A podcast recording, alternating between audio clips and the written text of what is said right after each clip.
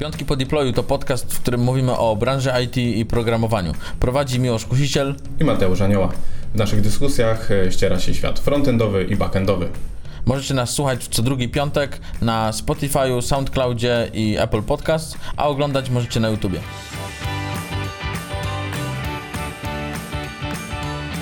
Cześć, witam Was bardzo serdecznie w ósmym e, odcinku podcastu Piątki po deployu. W dzisiejszym odcinku e, również będzie trochę nietypowo. Nie ma z nami naszego kusiciela, ale jest za to z nami Kasia. Cześć. E, miło mi, że dostałam zaproszenie do Piątków po deployu. Mam nadzieję, że zastąpię godnie Miłosza, aczkolwiek nie jest to łatwe wyzwanie.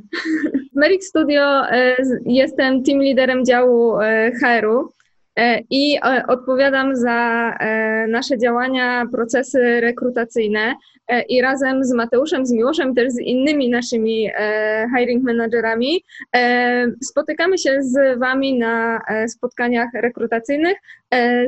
Dzisiejszy nasz temat, zaraz Wam Mateusz o tym też powie, objaśni Wam to, dlaczego akurat ja tutaj dzisiaj jestem. Tak jest. E, dzisiejszy odcinek również nagrywamy zdalnie. Ja cały czas jestem e, w domu. Kasia jest już u nas e, w biurze. Mam nadzieję, że najbliższe tygodnie również pokażą nam, dokąd cała sytuacja zmierza oraz, że w niedługim czasie również wszyscy będziemy mogli wrócić do biura. A dzisiejszy odcinek ma temat rekrutacja w IT, czyli gdzie zasady są zmyślone, a odpowiedzi nie mają znaczenia.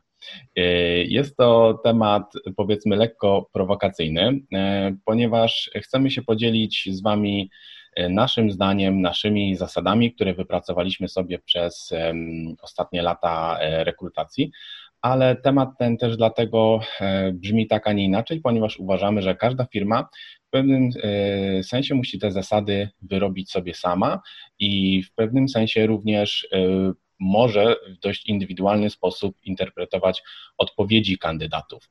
Mm, zanim przejdziemy może do tych naszych e, stricte zasad i, i, i, przemyśleń, może powiemy jeszcze trochę o naszym e, backgroundzie rekrutacyjnym. Zajmuję się rekrutacją już e, prawie 5 lat. Zaczynałam swoją przygodę jako researcher w agencji rekrutacyjnej. Researcher, researcher to taki teraz trochę sorcerer, można by było tak e, powiedzieć.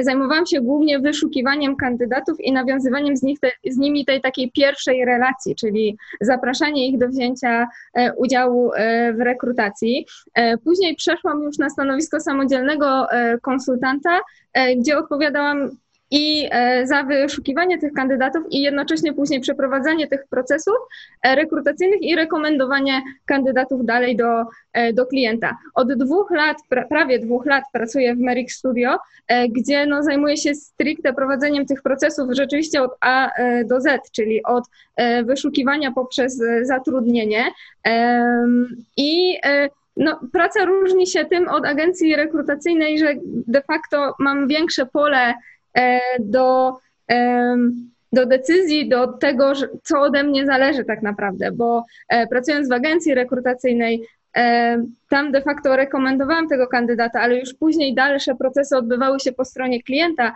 a tutaj tak naprawdę klientem jesteśmy sami dla siebie trochę. E, więc e, e, tak to wygląda. Jak przechodziłam do Merrick Studio, to wszystkie koleżanki i koledzy z poprzednich prac mówili, Kasia, zastanów się, to jest rekrutacja IT, to nie jest takie proste, tutaj już masz kontakty. Ja wcześniej rekrutowałam do engineeringu, głównie do firm produkcyjnych, gdzie oczywiście zdarzali się też programiści, deweloperzy, którzy głównie zajmowali się nie wiem, programowaniem PLC albo takich robotów przemysłowych, maszyn, ale w dużej mierze były to po prostu stanowiska kierownik produkcji i tak dalej. Z IT niewiele, niewiele wspólnego, chociaż e, prywatnie zawsze IT było e, mi bliskie. Więc jak przychodziłam, to miałam lekki taki strach, czy ja sobie poradzę, bo wiadomo, że ta sława mm, rekrutacji IT, że to takie rozpieszczeni ludzie, e, stanowiska, że nie wiadomo czego chcą, że ciężko do nich dotrzeć, że wymyślają. E, czy to się sprawdziło? Nie.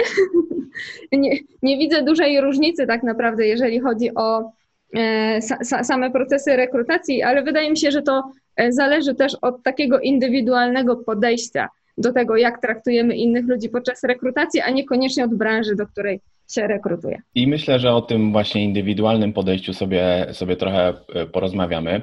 Ja też może powiem e, dwa słowa o moim doświadczeniu rekrutacyjnym, bo mm, pierwszą rozmowę rekrutacyjną, gdzie to ja zadawałem pytania, przeprowadziłem w 2015 roku i w tamtym czasie bardzo dużo improwizowałem. Ja tak naprawdę zawsze skupiałem się na tej części technicznej, miałem zawsze bardzo duże wsparcie od działu HR, więc powiedzmy, że przechodziłem już na, na gotowo. E, I z biegiem czasu, właśnie podczas prowadzenia różnych rozmów, czytania e, różnych materiałów, również blogów, e, gdzieś też doszedłem już do, do jakichś swoich pewnych, pewnych sposobów, przekonań, pytań, które, które zadaję, którymi właśnie dzisiaj się, się z Wami podzielimy.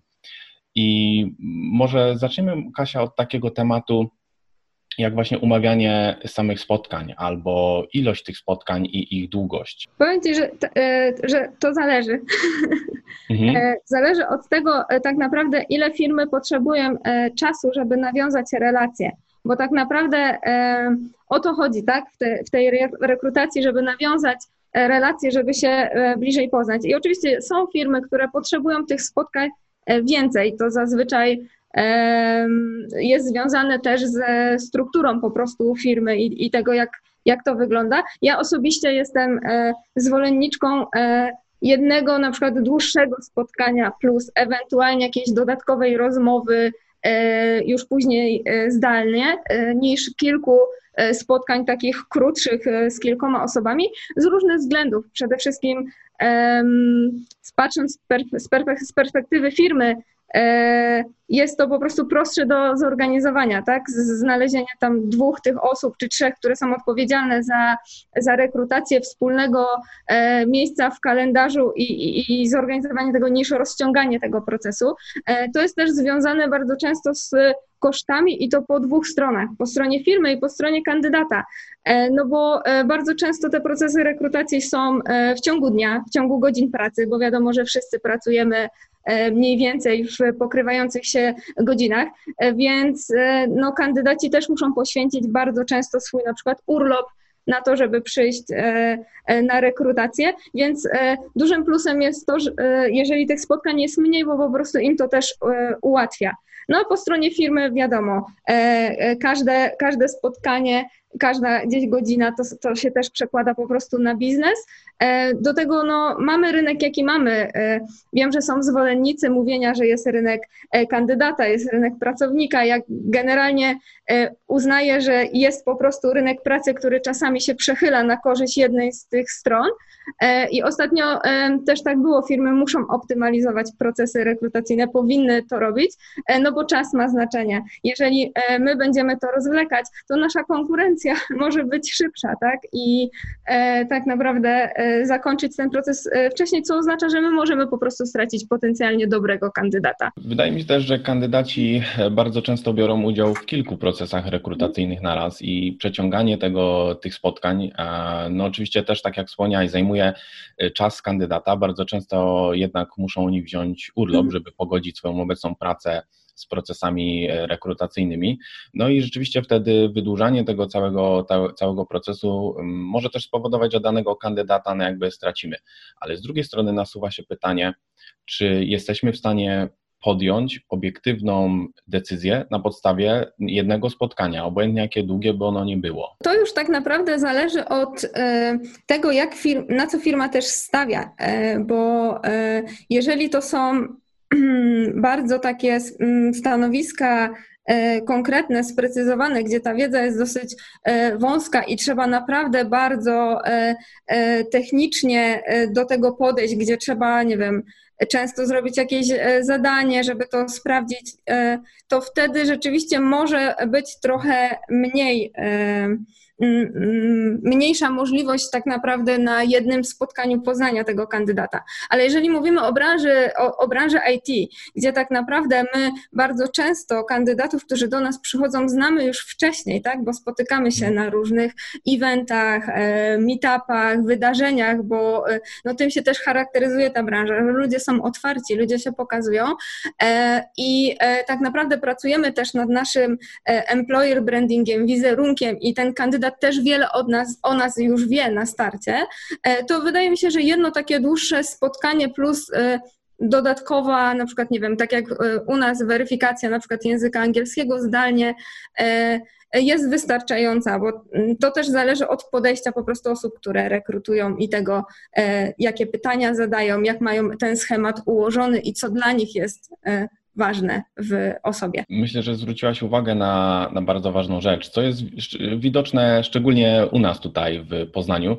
że jednak ten powiedzmy rynek, rynek lokalny, szczególnie branża IT, no jednak z tego networkingu, z tych spotkań ludzie się znają i ludzie się kojarzą. A i mimo wszystko jednak warto pamiętać, że to również kandydat powinien poznać nas, że spotkanie rekrutacyjne nie jest tylko dla nas, żeby kandydata ocenić, ale również jest dla kandydata, żeby poznał firmę i to również kandydat musi podjąć decyzję, że jesteśmy firmą, z którą on chce się związać.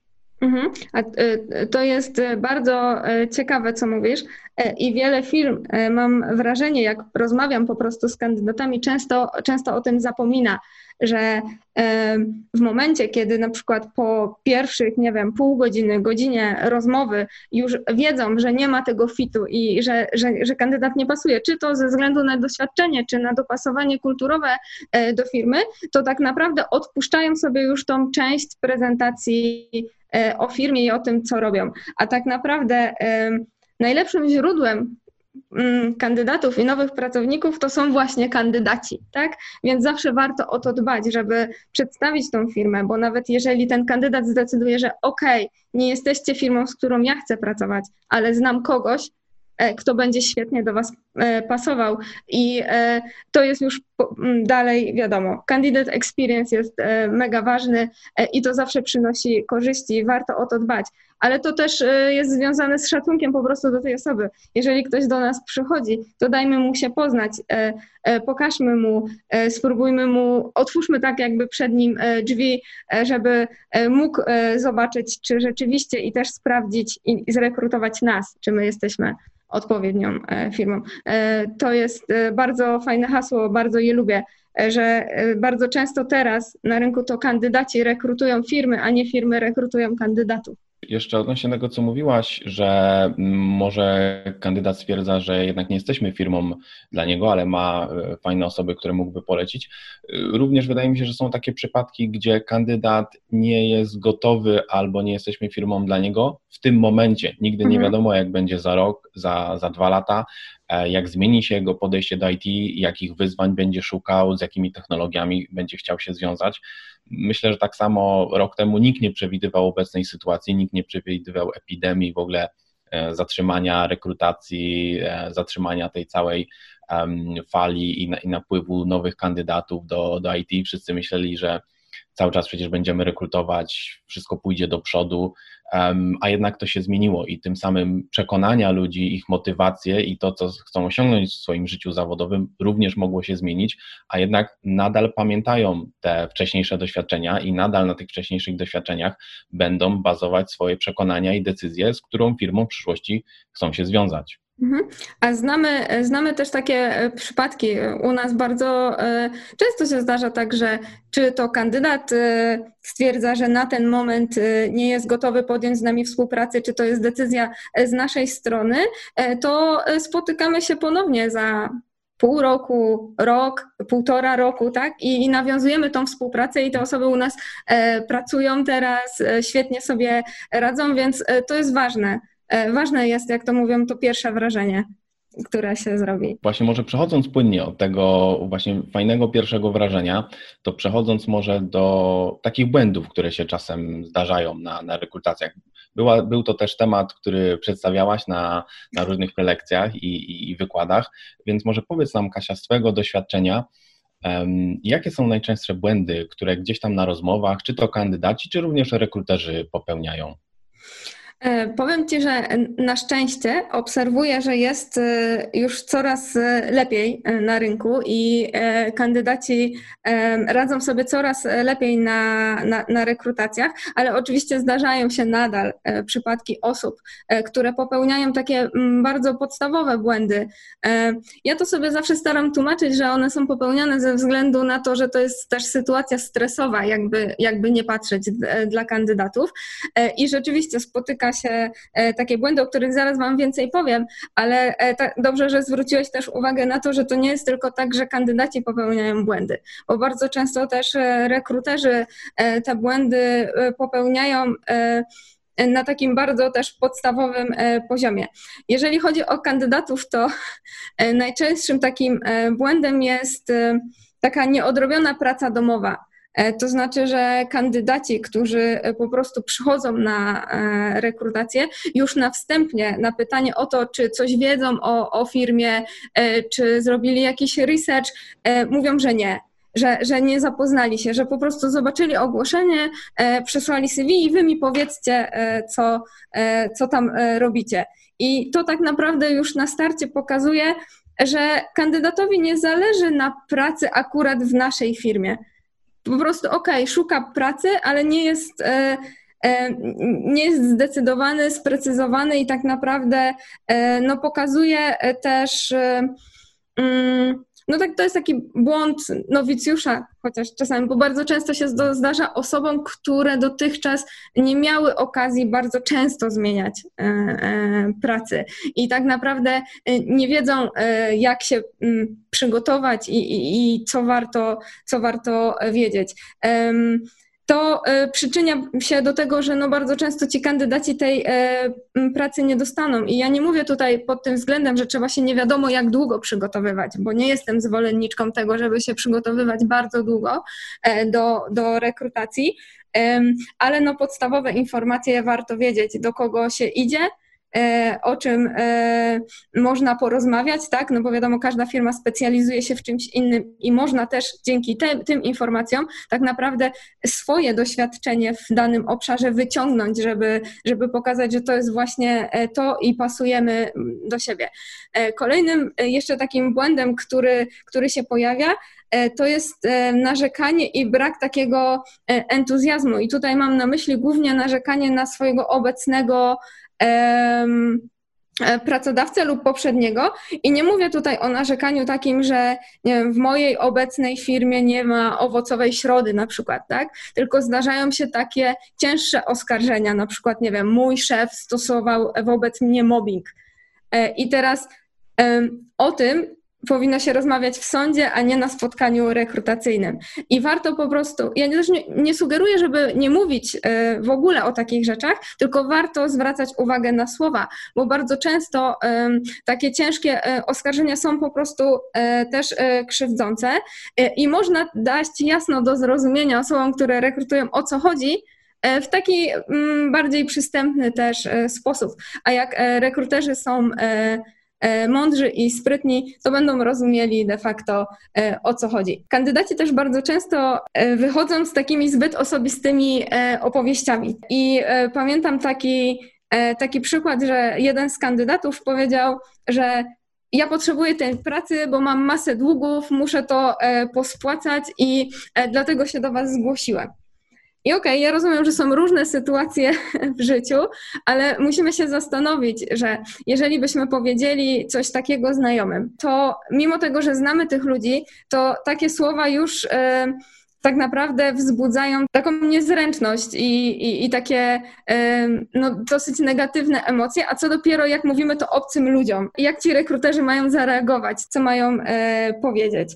Więc to jest takie no, e, dosyć, dosyć powszechne e, wychodzenie zbyt os z osobistymi opowieściami. Takim ciekawym przypadkiem, z którym ja się spotkałem na, na rekrutacji, to kiedyś ktoś swojego poprzedniego pracodawcę określił jako prywaciarz i o dziwo była to bardzo młoda osoba, co mnie osobiście, osobiście bardzo zaskoczyło e, i uważam właśnie, tak jak mówisz, że było to raczej niepotrzebne. Ciężko wyciągnąć z tego jakiekolwiek konkretne wnioski i co dana osoba miała na myśli, a znowu drążenie tego tematu i podpytywanie o poprzedniego pracodawcę też myślę, że nie jest do końca e, na miejscu w takiej sytuacji. Mhm. Teraz e, szczególnie e, w branży IT, gdzie zatrudnianie na B2B jest bardzo popularną formą, to tak naprawdę większość z nas to prywaciarze. Więc w sumie nie wiem, no. czy dobrze, czy źle. Może rzeczywiście lepiej nie dopytywać. No, jakby nie patrzeć, to, to tak jest, no ale jakby już nie żyjemy w czasach komunistycznych i nie spodziewałem się, że osoby młode szczególnie będą w podobny sposób y, podchodzić do, do tego typu współpracy, y, ale to już nawet w tamtym przypadku już nawet nie chodziło o B2B, co tym bardziej w ogóle mnie, mnie zaskoczyło. E, ja tak, e, jak sobie jeszcze e, pomyślę o takich najczęstszych błędach ze strony kandydatów, to mhm. nadal dosyć często się zdarza tak, że kandydaci nie zadają żadnych pytań. Nie wykorzystują swojej okazji, nie wykorzystują szansy na dowiedzenie się też coś więcej. Mm, I to jest tak naprawdę równoznaczne z tym, o czym mówiłam wcześniej. Czyli jak nie zadajemy pytań, to też tak naprawdę pokazujemy trochę, że nam to jest obojętne, w jakiej firmie e, e, będziemy pracować. A tak naprawdę. Mm, można zapytać o wszystko. Można zapytać o kierunek rozwoju firmy, o y, rozwój technologiczny, ale nawet o takie rzeczy, czy nie wiem, obowiązuje w firmie jakiś dress code, jakie są zasady, godziny pracy i tak dalej. I oczywiście firma i rekruter powinien te wszystkie informacje przekazać. Bardzo często jest tak, że jest to pod koniec rozmowy, ale my wychodząc z takimi pytaniami, jako kandydat pokazujemy też, że e, no, to jest dla nas istotne, tak? W jakim środowisku będziemy e, pracować i wśród e, jakich e, zasad. I jeszcze takim ostatnim już, żeby zakończyć temat błędów kandydatów, bo nie ma ich wcale tak dużo, ale w ostatnim czasie, szczególnie kiedy przenieśliśmy się też na pracę zdalną i wszystkie nasze rekrutacje obecnie odbywają się zdalnie, jednym z takich błędów jest to, że ludzie nie dbają o i kandydaci nie dbają o połączenie internetowe i o taki komfort i jakość tej rozmowy. E, to nam się zdarza e, dosyć często, gdzie mają słabe łącze internetowe, gdzie zrywa, gdzie musimy się łączyć e, przez telefon, dzwonić do siebie, upewniać się, czy ten kandydat nadal jest na tej rekrutacji, tylko ma problemy techniczne, czy już zrezygnował i postanowił się rozłączyć. E, I to jest bardzo ważne, szczególnie jeżeli mówimy o rekrutacji do branży IT, gdzie wiadomo, że e, można pracować z każdego zakątka ziemi, ale no trzeba mieć dobre połączenie internetowe, żeby tą pracę móc wykonywać. Więc to tak taki błąd na czasie, można by było tak powiedzieć. Tak naprawdę to kandydaci mogą wybrać i termin, i godzinę, mm, i mają też e, wtedy czas na przygotowanie się. Jeżeli potrzebują nawet zmienić miejsce, z którego odbędą rozmowę, ponieważ z różnych powodów mogą mieć w domu kiepski internet, mają na to czas i mogą też się dobrze przygotować. Mm, no, dokładnie, e, więc e, nie ma, są, nie wiem, przestrzenie coworkingowe gdzieś u znajomych, u rodziców, zawsze gdzieś warto pomyśleć o tym, e, żeby ten, ten komfort sobie tej rozmowy zachować. I to nie tylko wizerunkowo, dla firmy, ale dla swojego własnego komfortu, żeby nie musieć się denerwować, tak? I, i nie wprowadzać sobie sytuacji stresowej. A jeżeli chodzi tak. o rekruterów, o to, to, to na, mhm. na, ten temat można by było napisać książkę generalnie. E, I e, jak sobie śledzę różne, różne fora internetowe, to bardzo często na rekruterach, szczególnie w branży IT, to się wiesza wszystkie, wszystkie psy, jak to się mówi. Ale mm, rzeczywiście często się zdarza u rekruterów to, że to samo co u kandydatów, pierwszy podstawowy błąd, że rekruter przychodzi nieprzygotowany na rozmowę. To znaczy, że e, włącza CV, aplikację, nie wiem, profil na LinkedInie danego kandydata 5 e, minut przed rozmową, nie robi researchu na temat tego, w jakiej firmie ten kandydat pracował, e, czym się firma zajmowała i tak naprawdę mm, no, pokaz, pokazuje swój nieprofesjonalizm. I to e, niestety bardzo często się też e, e zdarza. Kolejnym takim e, błędem mm, to jest e, prowadzenie rozmów według stałego, stałego takiego sztywnego schematu.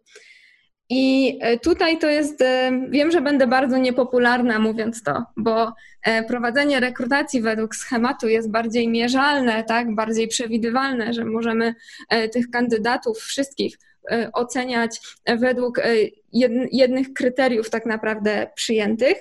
Ale tak naprawdę, e, jeżeli ktoś by mnie kiedyś zapytał, jaka jest, e, nie wiem, najlepsza cecha rekruterów, jaką powinni mieć rekruterzy, to bym powiedziała, że taką umiejętność dopasowania się do e, odbiorcy, tak, i do tej osoby, która siedzi po drugiej stronie stołu czy ekranu. I tego często rekruterom brakuje, przez co te rekrutacje są bardzo sztywne. I ja nie mówię tutaj o tym, żeby odejść całkowicie od prowadzenia, e, wprowadzania jakichś e, mierzalnych e, stopni, no bo wiadomo, że każda firma musi przyjąć jakieś kryteria rekrutacyjne, co jest dla nich ważne, co kandydat musi spełnić, żeby tą, tą pracę dostać, ale mam ciarki dosłownie, jak widzę czasami, że rekruterzy mają swoje mm, Excele i tam oceniają od 1 do 5 i, i dają takie punkty, no bo tak naprawdę jesteśmy ludźmi i nie zatrudniamy robotów, zatrudniamy ludzi, więc musimy postawić bardziej na rozmowę niż na takie stricte odpytywanie zero-jedynkowe. Tak, nie, wie, nie wie i idziemy dalej. Rozmowa jest mm, bardzo ważna. Ja się z tym całkowicie zgadzam i właśnie kiedy jeszcze przejdziemy sobie za chwileczkę może do tej części bardziej rekrutacji technicznej, to tam również właśnie chciałem wspomnieć o tym, że pytania powinny być indywidualnie dostosowane do kandydata i jeżeli chcemy go ocenić, uważam, jak najbardziej obiektywnie, to powinniśmy wziąć też jego doświadczenie, ten kontekst y, jego wiedzy, jego wcześniejszego stażu i, i, i, pracy, tak żeby zadać właśnie pytania dopasowane pod kandydata, a nie jechać jakimś gotowym schematem. Ja bym chciała zamknąć ten temat jeszcze błędów rekruterów, i, bo to jest też dosyć taki temat istotny, e, a mianowicie e, brak przekazywania feedbacku albo przekazywanie takiego bardzo lakonicznego feedbacku na zasadzie dziękujemy, nie dostał się pan, nie dostała się pani do naszej firmy i nic e, więcej.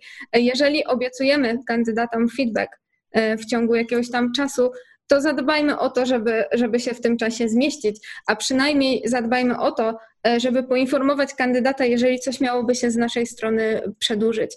E, rekruterzy bardzo często e, tak robią. Spotykam się z kandydatami, z wieloma kandydatami i od, od wielu słyszałam już to, że nie wiem, poświęciłem czas na zadanie dla danej firmy, a oni mi nawet nic nie odpisali. Mieliśmy taki przypadek, gdzie gdzie to my po prostu na prośbę kandydata sprawdzaliśmy mu zadanie, które on wysłał do innej firmy, żeby po prostu wiedział, e, co zrobił dobrze, w którą stronę to poszło, bo powiedział, że jest zaskoczony, że nie dostał żadnej informacji. Feedback to jest mega ważne i to świadczy o firmie, e, ale świadczy też o, o rekruterze, bo e, tak naprawdę no to my przeważnie ten feedback przygotowujemy, tak? I, i, i nie ma tutaj wymówek dla mnie żadnych. To może ja też opowiem trochę o, o, takich błędach, które ja zauważyłem i zauważyłem je również na własnym przykładzie, może się po prostu przyznam do błędów, które też ja popełniam. E, coś, co ja zauważyłem, to mm, rekruterzy czasem opowiadając o firmie, zadając pytania, czasem albo odpowiadają e, na nie sobie sami, albo nie zostawiają jakby czasu i miejsca na odpowiedź kandydata. Czasem chcą tak opowiedzieć, czasem stawiają siebie w tym, tym punkcie centralnym, że kandydat nie ma możliwości nawet się zaprezentować. I o ile ja jakby zwracam na to uwagę i mam nadzieję przynajmniej, że nikt takich doświadczeń e, w, w rozmowie ze mną nie miał, to ja jestem winny trochę innej rzeczy, czyli zadawania zbyt długich i zbyt skomplikowanych pytań. Potwierdzam. Tak, zdarzało się, że kandydaci moje pytania musieli sobie zanotować a, lub dopytywali o drugą część pytania, bo pytania potrafiły zawierać tak naprawdę dwa pytania, albo opowiadałem cały kontekst dookoła, o co mi chodzi, w pewnym sensie chcąc dobrze, żeby kandydat zrozumiał moje pytanie, szczególnie w pytaniach technicznych, gdzie uważam, że jednak ja osobiście jestem wzrokowcem i nie zawsze potrafię sobie wyobrazić może, może kod. I, I, tutaj powoduje to do pytań, które są zbyt długie, kandydaci zapominają o co tak naprawdę pytałem, lub jest tam kilka pytań, no i, i, i kandydaci tak naprawdę nie wiedzą do końca na co mają odpowiedzieć. Tak, tu, tutaj potwierdzam to, co mówi Mateusz i e, e, pracujemy nad tym, Mateusz też nad tym pracuje, jest coraz lepiej na rekrutacjach, to e, macie, macie moje słowo, ale rzeczywiście bardzo ważne jest to, żeby dawać przestrzeń, e, żeby dawać przestrzeń kandydatowi, żeby on mógł się chwilę zastanowić e, nad, e, nad odpowiedzią, żeby ta atmosfera była taka, żeby on nie czuł takiej presji, że on musi, zanim ty skończysz mówić to pytanie, to on musi już zacząć odpowiadać. E, więc te pytania rzeczywiście powinny być takie e, krótkie, zwięzłe. Czasami lepiej jest później coś dopytać, e, niż od razu dawać historię całą i, i de facto później kandydat trochę jest zagubiony, że właściwie o co chodziło w tym, w tym pytaniu. A powiedz mi, Mateusz, bo tak ostatnio też dysku, dyskutowaliśmy na temat tego, czy rekruterzy w branży IT powinni skupiać się na rozwoju takim techniczno-biznesowym. Co ty sądzisz na ten temat? Tak, ale pytanie jest bardziej jak szczegółowo i ile mhm. tak naprawdę, naprawdę powinni wiedzieć. W żadnym wypadku nie wymagałbym od rekrutera jakiejkolwiek wiedzy może o składni języka, o jakichś funkcjonalnościach języka, ale myślę, że kontekst wykorzystania danego języka, danej technologii, danego staku i szczególnie jeżeli pracujemy z konkretną branżą, to dlaczego na przykład dany język, e, dane rozwiązanie jest bardzo popularne e, w tej branży, to myślę, że tak. Powinniśmy wiedzieć na przykład, dlaczego wykorzystujemy Pythona, jaką przewagę ma Python nad innymi językami, albo jeżeli w innym projekcie zdecydowaliśmy się użyć Node.jsa, jaką przewagę miał nad y, Pythonem, dlaczego na przykład na frontendzie najbardziej popularny obecnie jest y, React, albo dlaczego może uważamy, że React, a dlaczego nie, nie Angular. Myślę, że nie trzeba no, oczywiście umieć pisać e, kodu e, w danych językach czy bibliotekach, ale znać kontekst, dlaczego to się wykorzystuje. E, myślę, że warto też znać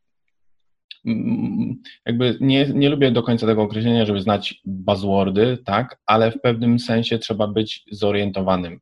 Jakby nie lubię bardzo takiego żonglowania buzzwordami, jakby to miało wyjaśnić wszystko, bo to tak naprawdę bardzo, bardzo mało informacji nam, nam daje, ale z drugiej strony jakby trzeba je znać, żeby wiedzieć, co się dzieje na rynku, w czym kandydaci chcą pracować, w czym firmy pracują. Jeżeli kandydat e, zmienia e, firmę, zmienia branżę, to żeby być w stanie też chociażby bardzo bardzo ogólnie, ale żeby być w stanie ocenić jego doświadczenie. Jeżeli pracował w Javie i pracował na przykład y, w większej korporacji, pracował w banku, pracował w fintechu, to żebyśmy wiedzieli, jak jego wcześniejsze do, doświadczenia przekładają się na to, czego my szukamy. Czy my mamy takich klientów, czy my pracujemy w Javie, albo jak trudno może jemu być przejść z jego wcześniejszej technologii na, na naszą. I myślę, że bardziej chodzi o takie trochę zorientowanie może nie? w technologiach. Mhm. Tak, tak samo do, dodałabym do tego jeszcze e, kwestię wiedzy na temat e, prowadzonych, skończonych mm, też przez firmę projektów, tak, żeby móc też trochę więcej kandydatowi e, przybliżyć, jakie najczęściej się robi projekty, w czym mamy doświadczenie, w jakich branżach się firma, e, firma specjalizuje, e, bo to pomaga nie tylko na rekrutacji, to pomaga też w momencie, kiedy się spotykamy na różnych eventach, możemy już coś więcej wtedy temu kandydatowi, potencjalnemu kandydatowi przekazać i, jakoś go zachęcić. Więc to też jest dosyć ważne i nie, nie określałabym tego jako błąd, że rekruterzy tego nie robią, bo często nie mają przestrzeni, ale jeżeli ktoś chce robić e, karierę, pracować jako rekruter IT, to powinien mieć z tyłu głowy to, że to zorientowanie jest też też ważne. To by było na tyle, jeśli chodzi o dzisiejszy odcinek. E, za dwa tygodnie kolejna część naszej rozmowy z Kasią, w której skupimy się bardziej na technicznych aspektach spotkania rekrutacyjnego. Słuchajcie nas na Spotify, na Apple Podcast, słuchajcie i oglądajcie nas na YouTubie. E, życzymy wszystkim udanego weekendu i jak najmniej problemów po deployu. Pozdro 500.